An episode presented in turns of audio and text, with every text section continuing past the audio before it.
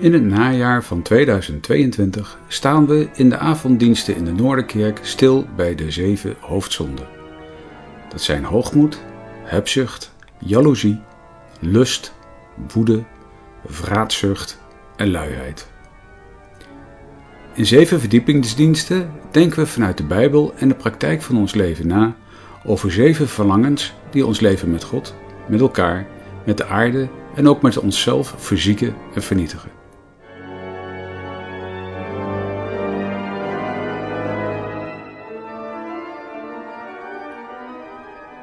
De vierde verdiepingsdienst in deze serie gaat over lust.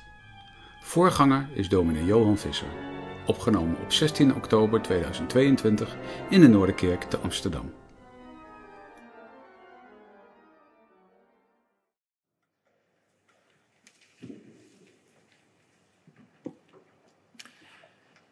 Ja, dus de hoofdzonde lust.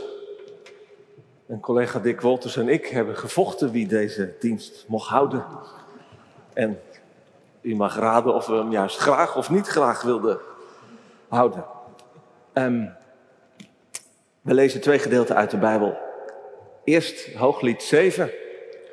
Hooglied, Bijbelboek uit de wijsheidsliteratuur. Een kort boekje met liefdesgedichten. Die op verschillende manieren worden uitgelegd. In de preek kom ik op beide manieren uh, terug. En daarna een heel ander gedeelte, een nogal streng gedeelte van Jezus over de lust. En beide zegt, heeft het ons denk ik iets te zeggen over seksualiteit en alles wat daaromheen speelt. Hooglied 7. En daar is hij aan het woord. En straks vanaf 9 neemt zij het over. Dus er is een heen en weer gaan tussen twee stemmen. Een, een meisje en een jongen, een man en een vrouw, of een bruid en een bruidegom. Dus eerst hij.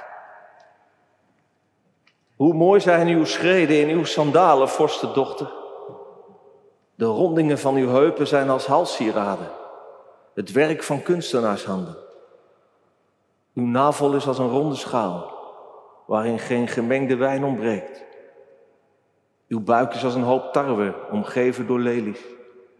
Uw beide borsten zijn als twee kalfjes, de tweeling van een gazelle. Uw hals is als de ivoren toren. Uw ogen zijn als de vijvers te Hesbon bij de poort Batrabim.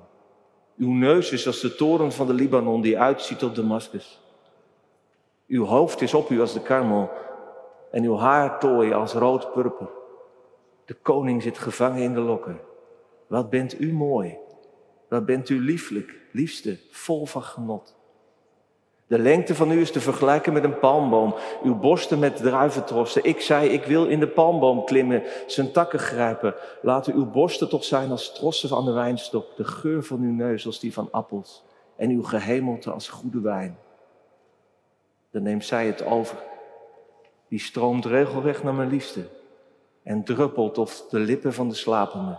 Ik ben van mijn liefste en zijn begeerte gaat naar mij uit. Kom mijn liefste, laten we naar buiten gaan, het veld in. Laten we overnachten in de dorpen. Laten we vroeg opstaan om naar de wijngaarden te gaan om te zien of de wijnstok uitloopt. Of de knoppen zich hebben geopend. Of de granaatappelbomen gaan bloeien. Daar zal ik u mijn liefde geven. De liefdesappels geven hun geur.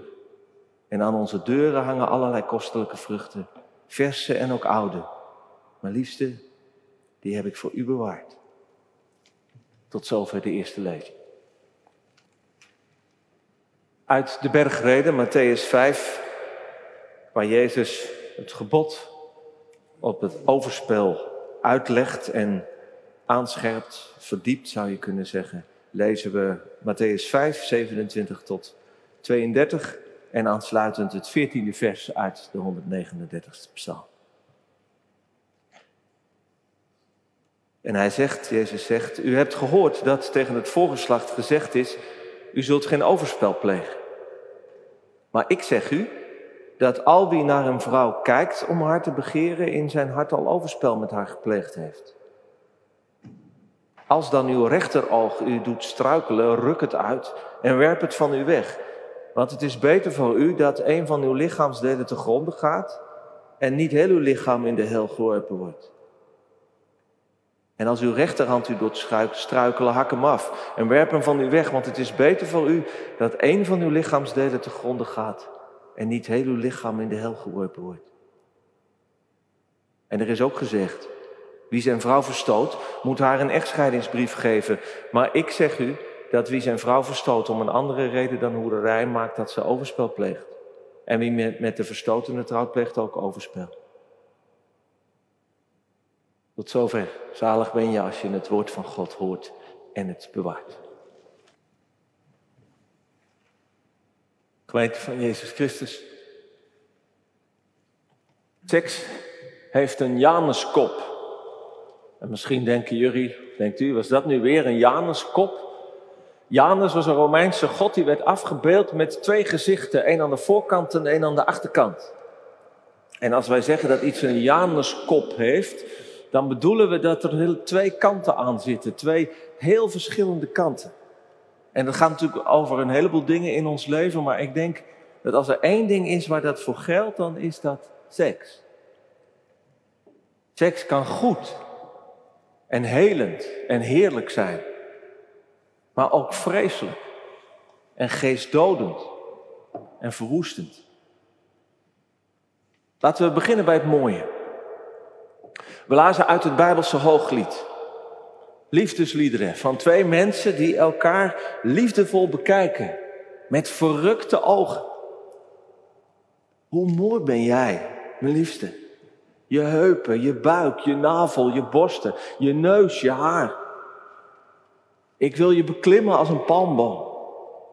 En je borsten als druiventrossen plukken. Kom, laten we naar buiten gaan. Laten we vroeg opstaan. Te zien of de wijnstok al uitloopt. En daar zal ik je mijn liefde geven. De liefdesappels geven hun geur.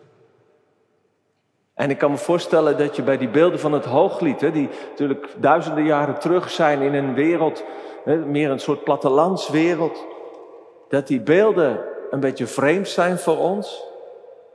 Maar tegelijk denk ik dat we allemaal wel ergens iets van het verlangen en de passie en het erotische ervan aanvoelen. En al krijg je er misschien een beetje rode oortjes van, dat verlangen in het hooglied, dat is puur. Dat is onschuldig, dat is mooi. Twee mensen die in elkaar opgaan, die zich in elkaar verheugen, die blij zijn met elkaars lichamen en verlangen om elkaar met lichaam en ziel te beminnen. Zo mooi kan het zijn. En, en zo mooi heeft de schepper, onze schepper, het misschien ook wel bedoeld. Onze schepper, die zelf, zoals de apostel Johannes schrijft, liefde is.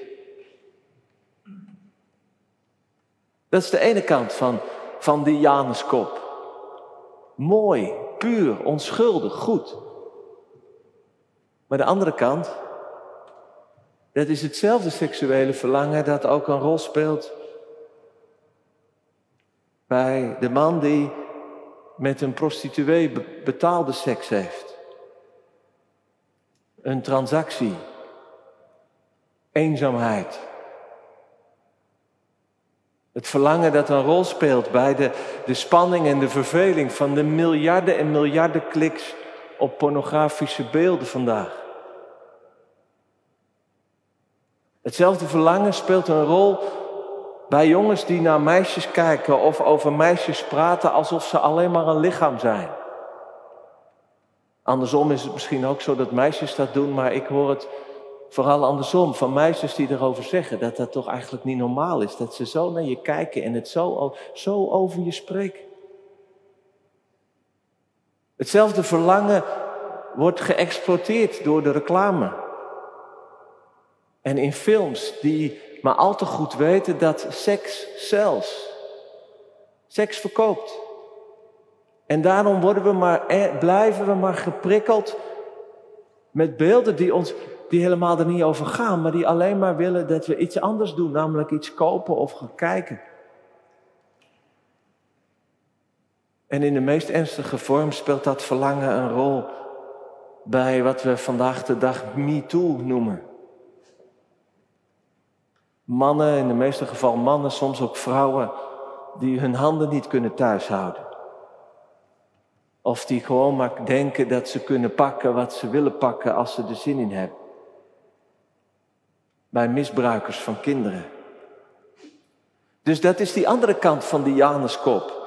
Seks als niet meer dan een behoefte of een product of een obsessie of een drift. Met soms vernietigende gevolgen. Dus de vraag voor goed leven voor een ieder van ons. En, en, en denk ik ook voor wat een goede menselijke samenleving is. Ja, wat is nu het verschil tussen die twee? Tussen het goede seksuele verlangen en de lust die uiteindelijk schadelijk is. En, en is het eigenlijk wel mogelijk om dat uit elkaar te houden? Is er wel zoiets als onschuldige goede seksualiteit? Of speelt de lust altijd een rol? Dan eerst iets over het verschil. Wat is nu het verschil tussen lust als zonde en seksueel verlangen? In de christelijke traditie wordt gezegd, lust is er op gericht dat ik mijn behoefte moet bevredigen. Dat ik mijn seksuele spanning die zich in mijn lichaam heeft opgebouwd, uh, of en in mijn gedachten, dat ik die, dat die verlicht wordt. Dus het draait om mijn behoefte en de ander, die is alleen maar een middel. Een object dat ik nodig heb of dat ik zelfs pak. De middeleeuwse grote theoloog Thomas van Aquino die zegt: lust dat is een leeuw die een het ziet en aan niets anders meer kan denken dan aan eten. Dus bij lust denk je niet aan een ander, maar vooral aan je eigen verlangens.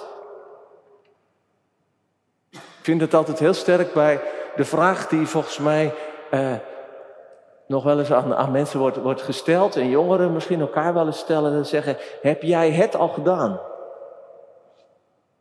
Dat, dat is een goede manier om te begrijpen wat lust is. Ik doe het. Jij doet het. Dus dan gaat het niet meer over de relatie en de ander, maar dan gaat het over iets wat jij, waar jij, ja, wat jij doet, waar jij behoefte aan hebt.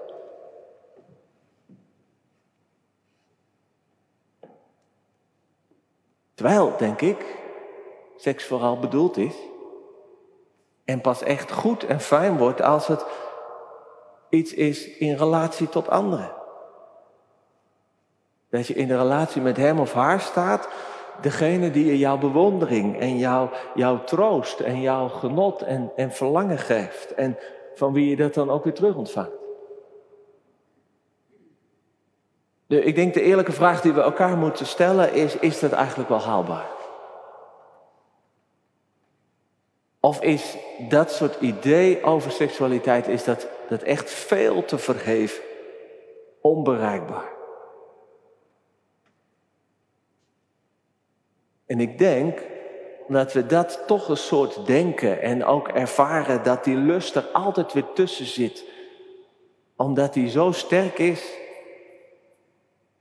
dat christenen, en dat geldt denk ik ook voor andere godsdiensten, eigenlijk nooit zo heel goed raad hebben geweten met seksualiteit. Heel lang is in de kerk ook de gedachte geweest dat seks eigenlijk vies is. En gevaarlijk.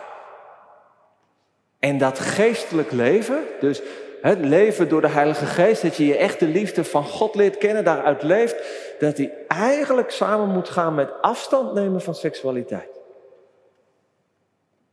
bekendste voorbeeld is de kerkvader Augustinus. Augustinus, een, een godszoeker, een, iemand die verlangde naar God. Maar die zelf ook vertelt dat hij heel lang heeft hij een, een relatie met een, met een vrouw. En daar, daar heeft hij het idee van, dat moet, dat moet ik loslaten als ik echt mij overgeef aan God. Maar dat kan ik niet, want, want hij zat er aan vast. Niet zozeer aan die vrouw helaas, maar vooral ook aan, aan zijn seksualiteit. En op het moment dat het dan doorbreekt, zijn bekering komt, zouden wij zeggen, dan, dan breekt hij er ook helemaal mee. Dus dan stuurt hij die vrouw weg en dan leeft hij voortaan celibatair. zonder seksualiteit. En, ja, en zo dien je echt God. Nou, dat is heel lange tijd het ideaal geweest in de kerk. Echt leven met God vraagt om afstand nemen van seksualiteit, want daar zit altijd een lust in. Nou ja, en als het dan toch niet anders kan, en ja, de voortplanting, daar is het ook wel zinvol voor hè, dat we seksualiteit houden, anders dan wordt het wel heel snel leeg op aarde. Ja, dan moet seks maar binnen het huwelijk. Een beetje als een noodzakelijk kwaad waar angstig en ook preuts mee werd omgegaan. Of wat mensen dan zo een beetje gedogen van ja, we weten wel van hè, het is er nu eenmaal een beetje zoals softdrugs bij ons in de stad. Het stinkt, het is niet gezond, het geeft overlast. Maar ja, de mensen die kunnen niet zonder. Weet je, dat is een beetje de houding. Nu, in onze omringende wereld is dat natuurlijk veranderd. Sinds de seksuele revolutie, de jaren 60 van de vorige eeuw, is die wat angstige en negatieve en wat gedogende houding is doorbroken. En de boodschap vandaag is, seks, dat is goed, dat is lekker, dat is gezond. En zolang er vrijheid is en iemand anders ermee instemt, dan moet je het gewoon doen. Hoef je nergens meer voor te schamen. En je moet je eigenlijk vooral schamen als je je nog schaamt, want dan ben je nog niet echt vrij. Want lust, is geen probleem. Alleen als, ja, natuurlijk wel als je, als je daar met iemand anders gaat. Nou, dat is een beetje de achtergrond, zowel in het christendom als een beetje in de wereld waarin wij leven. Als het over lust gaat, hebben we gelezen, is Jezus een stuk minder naïef. En misschien moeten we ook wel eerlijk zeggen, is hij ook minder vrij dan, dan die boodschap van de seksuele revolutie. Ja, want de woorden die wij hebben gelezen uit de bergreden, die zijn nogal streng, hè? Jezus zegt tegen het voorgeslag werd gezegd, je mag geen overspel uh, plegen, maar ik zeg u dat al wie naar een vrouw kijkt om haar te begeren, in zijn hart al overspel heeft gepleegd. Nou, dat kun je natuurlijk ook omdraaien. Je kunt als vrouw ook naar een man kijken en hem begeren. En Jezus' oplossing voor de lust is niet van, nou ja, He, gedoog dat nu maar een beetje, maar die is heel hard en radicaal. En ik denk niet dat hij letterlijk bedoelt dat we ons oog moeten uit, eruit moeten halen of onze hand moeten afhakken. Maar dan nog, we voelen wel aan dat hij zegt, als je door je oog verleid wordt, dan moet je er echt iets aan doen. Dan moet je anders gaan kijken. Want Jezus begrijpt dat overspel, dat dat niet alleen maar plaatsvindt op het moment dat je bij een ander in bed ligt, maar dat het veel eerder begint. Bij, bij het verlangen en bij kijken en dus bij, bij wat er, wat er in, in je zit, in je hart. Ik denk dat Jezus zo radicaal is om verschillende redenen en ik wil er drie noemen. Dat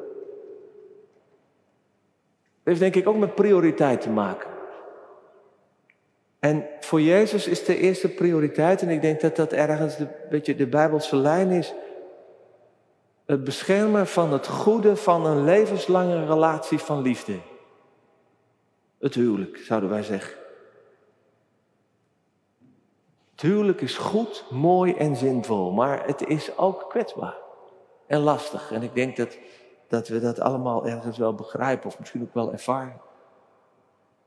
En er zijn natuurlijk allerlei krachten die het huwelijk kwetsbaar maken, maar lust is er één van. Die kan ervoor zorgen dat je de eenheid en de trouw in je eigen relatie of dat in de relatie van een ander beschadigt. En Jezus is zo streng, denk ik, als een soort voorzorgsmaatregel. Wees daar voorzichtig mee, want je maakt iets heel moois kapot. Het tweede heeft er denk ik mee te maken dat Jezus weet dat God ons zuivere mensen wil maken. En dan zuiver in de zin van niet zo mensen angstig in de wereld staan, maar mensen in wie de, de liefde van God voluit kan bloeien.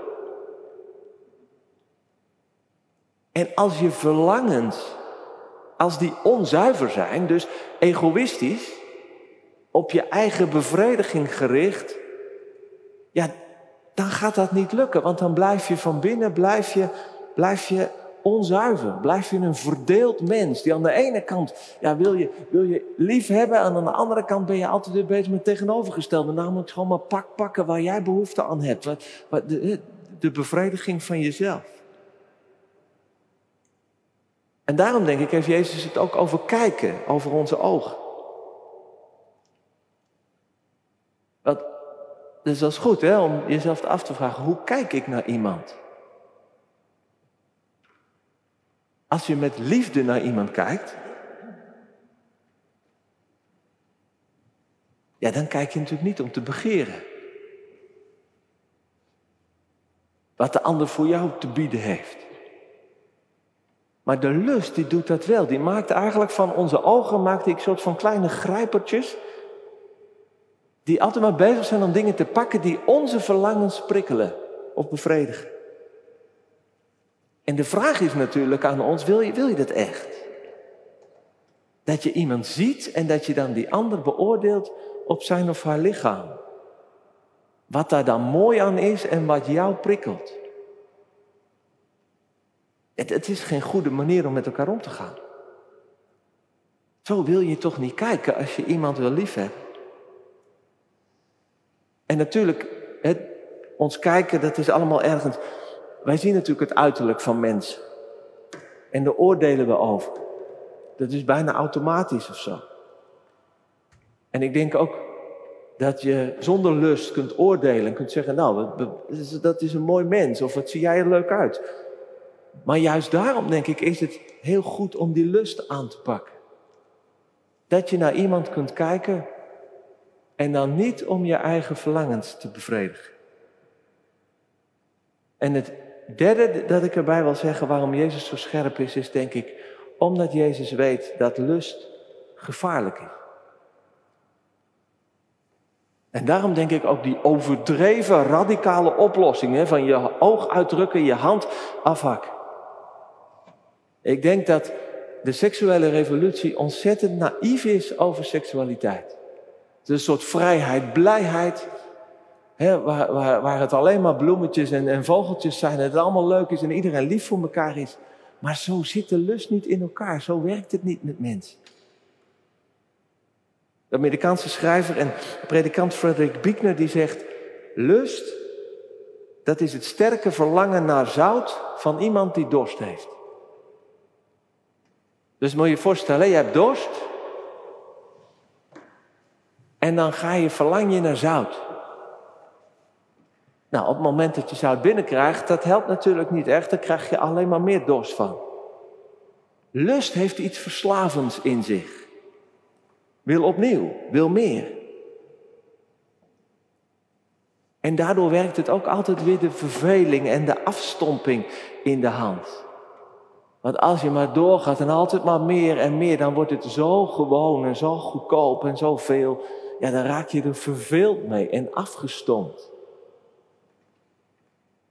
En ik geloof dat de beperking van de lust die je in de Bijbel, maar ook in, in andere godsdiensten tegenkomt, dat die getuigt van wijsheid. De wijsheid dat het goed is dat we onze verlangens begrenzen. Dat onze verlangens ook een goede richting hebben. Dat we ze kunnen inzetten voor iets wat hoger en mooier is. Omdat ze anders met ons aan de haal gaan. Dat we er slaaf van worden. En dat er ook heel veel kapot kan gaan. Onze eigen ziel. De eenzaamheid noemde ik al. Seks zonder liefde maakt eenzaam. Of je eigen lichaam. Waar Paulus van zegt, dat is een tempel van de geest. Daar wil God in wonen. Als het maar verdeeld is en allemaal met allerlei beelden en verlangens continu, ja, dan kan daar de geest niet echt in. En het maakt natuurlijk ook heel veel relaties kapot. Goede, veilige relaties waarin je intiem kunt zijn. Nou ja, onze relatie van God, met God, maar dat zei ik net al. Ik hoop dat het duidelijk is hè, dat, dat, dat de Bijbel met die dubbelheid van, van het seksuele verlangen ja, ook een beetje dubbel omgaat. Er zit iets heel moois en goeds in. En aan de andere kant zit er ook een kracht, kan er inkomen die maakt dat je er, dat je er heel erg voorzichtig mee moet zijn. Nou, daarom als laatste, hoe gaan we daar dan mee om? Ik heb uh, vijf dingen daarover. En ik had er waarschijnlijk tien van kunnen maken. En als ik volgende week de preek zal houden, zou ik misschien net weer anders zeggen. Maar in ieder geval denk ik vijf dingen die ons wel, denk ik, wat richting kunnen geven. Eén, erkennen dat je seksuele verlangens hebt. Wij mensen zijn seksuele wezens. dus als je een bepaalde leeftijd krijgt, het kan eh, op je dertiende of op je vijftiende zijn, dan komen die verlangens naar boven. Ja, die zijn er gewoon, die horen erbij. Die verlangens heb je ook als je single bent, als je alleen bent. En die verlangens heb je als je het leven met iemand deelt. Die zijn er. En dat is goed, zo zijn we geschapen. En natuurlijk, er zijn ook uitzonderingen, zoals het altijd zo, zo is bij ons mensen die, die weinig of, of geen seksuele verlangens hebben. Nou, daar moet je ook niet heel ingewikkeld mee doen. Dat is dan jouw gave of jouw opgave misschien ook wel in je leven. Maar die, die seksualiteit hoort dus bij ons leven als mens. En erken dat en ontvang dat ergens ook als goed. Tweede, denk ik, is goed om te erkennen dat die verlangens ook vatbaar zijn voor lust. Bij de een meer dan bij de ander.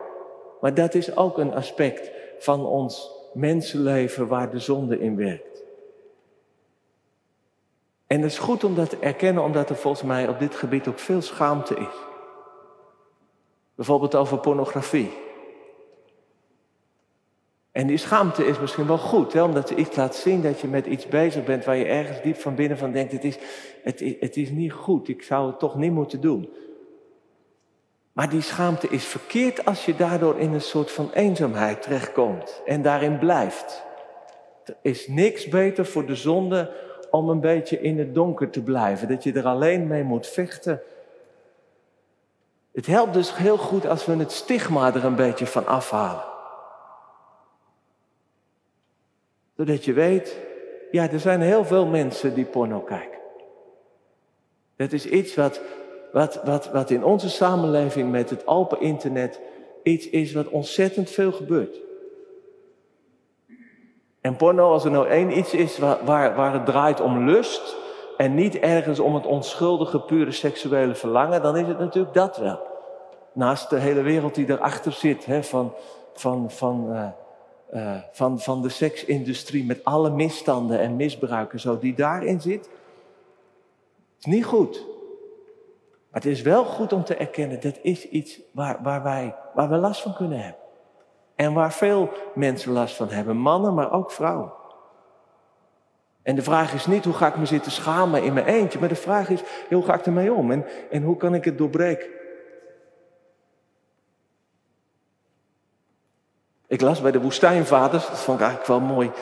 De, dat is al heel lang geleden, hè, de, de, de vierde eeuw zo in Egypte er komen twee monniken, die komen elkaar tegen. Een, oude grijze wijze, zeg maar, en, en, en, een jongere. En die oude wijze vraagt van, hé, hey, hoe gaat het met je? Ga goed. En hoe gaat het met de verleidingen en de strijd daartegen? En die jongere zegt, ja, dat gaat goed eigenlijk, weinig last van. Maar de oudere die doorziet hem. En die begint, oh, en dan begint hij alle verleidingen waar hij zelf mee te kampen heeft en die in zijn hoofd, waar, die in zijn hoofd spelen, die begint hij op te noemen. Eén voor één. Totdat de ander op een bepaald moment zegt stop maar en als ik eerlijk ben, ik ook. En, en, en zo komt ergens ook die lust, die komt in het licht. In een veilig licht, in het genadige licht van God, waar je mag zeggen, ja, natuurlijk is er, is er, is er vergeving bij u, milde God. En, en, en, en hoe ga ik nu verder die strijd, die strijd verder aan? Nou, dat is, het, dat is het tweede. Het derde is, ja, dan kun je er ook iets aan doen. Dat je je eigen zwakke plekken ziet.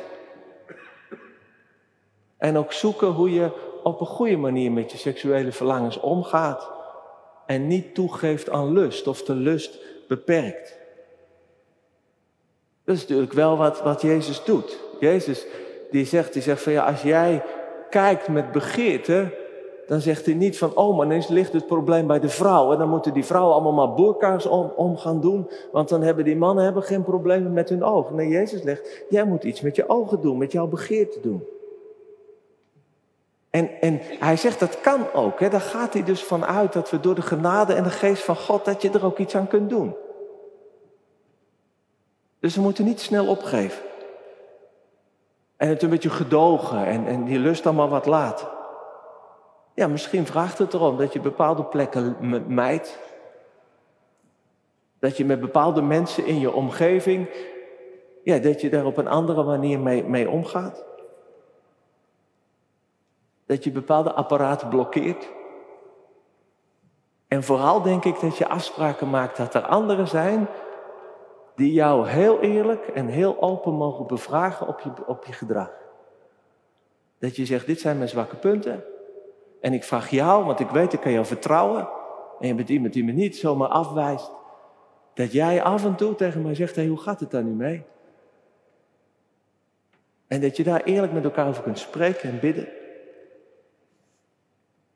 Nou, dat zijn, dat zijn drie dingen die meer voor ons persoonlijk gelden. Dan denk ik het vierde nog, dat is meer wat in de, in de breedte. Ik denk dat we vandaag ook heel hard en duidelijk moeten zeggen en dan kun je natuurlijk alleen als je er ook echt zelf in gelooft, met overtuiging. Seks is ook niet alles. Want we leven ergens in een wereld die dat een soort, soort als grote reclameslogan ook, ook heeft. Seks is niet de hemel. En je kunt ook zonder. En je kunt ook wachten, echt waar. En nu wordt het een soort gebracht als een eerste levensbehoefte. Net zo goed als je moet eten, heb je ook seks nodig. Nee, je kunt, je kunt ook zonder. Je kunt er ook op een, op een wijze manier mee omgaan zonder dat het alleen maar altijd moet.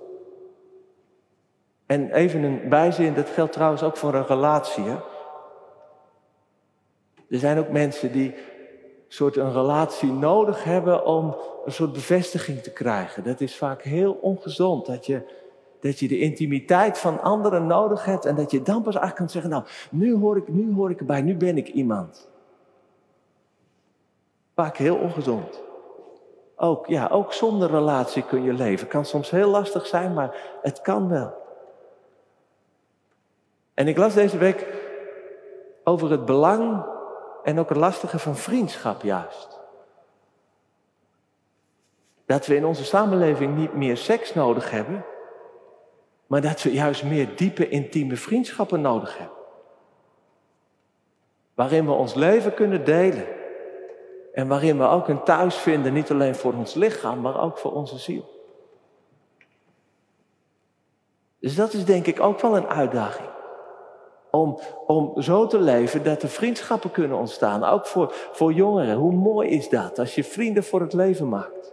En om in die vriendschappen ook te investeren. En ook in je relatie of in je huwelijk te zorgen dat je niet alleen een bedpartner bent, maar dat je ook een vriend en een vriendin van elkaar bent. Waarin je echt het leven met elkaar kunt delen. En het laatste, het vijfde, dat is dat we de liefde van God mogen ontvangen. De liefde van God die ook ons seksuele verlangen kan vullen en zuiveren. En dan zijn we weer terug bij het hooglied. Ik had het nog beloofd dat ik er op twee manieren naar zou kijken. Want het boek Hooglied, dat is in de Joodse en christelijke traditie, wordt het als het hoogtepunt van de Bijbel gezien. Maar dat is dan omdat je het niet alleen begrijpt als een liefdesgedicht van, van twee mensen die ontzettend naar elkaar verlangen en van elkaar houden, maar dat het gaat over de liefde tussen God en mens. En dat is natuurlijk best gewaagd. Hè?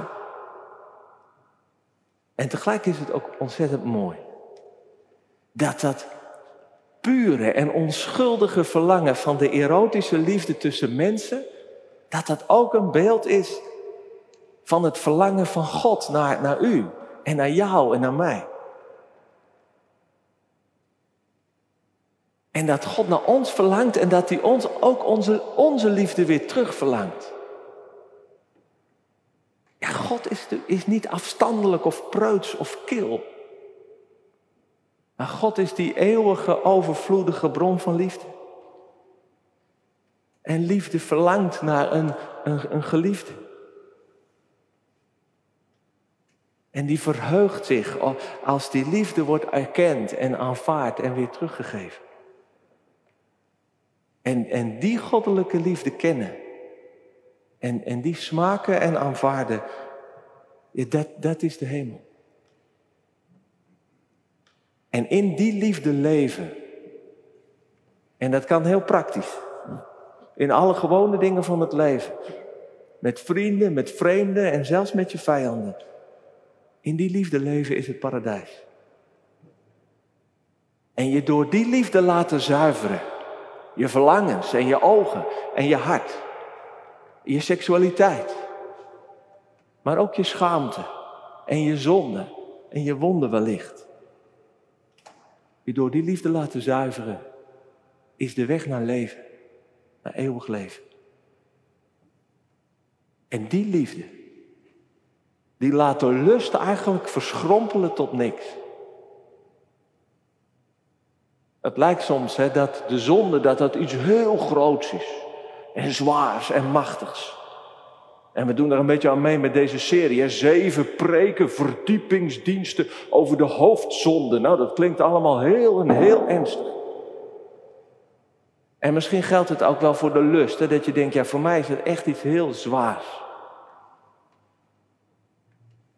En in onze wereld is het ook zo, zeker omdat de hebzucht er zich mee verbonden heeft. Omdat aan de lust grof geld te verdienen is, het lijkt iets heel groots. Maar uiteindelijk is de zonde is niks. Dat is één groot zwart gat. Zonde is het ontbreken van het goede. Van de liefde. Het ontbreken van God. Maar als de liefde komt, als God komt. En ik geef toe, dat gaat heus niet zonder lach of stoot. Daar blijft een gevecht, want die zonde die kan, die kan tekeer gaan. Maar, maar als de zon gaat schijnen, en die is gaan schijnen. De zoon van God, de zon van God is gaan schijnen. Dan smelt de zonde als, als sneeuw voor de zon. En dan blijft er nog maar één ding over. Eén groot, zuiver, heerlijk ding. Waar we ons eeuwig aan kunnen kwijtraken. In kunnen verlustigen. Door worden gezien en omhelst. En dat ene ding dat heel ons leven kan, kan ook ons seksuele leven, kan, kan, kan, kan doortrekken. Het hoogste en het grootste van alles. De liefde die blijft. Amen.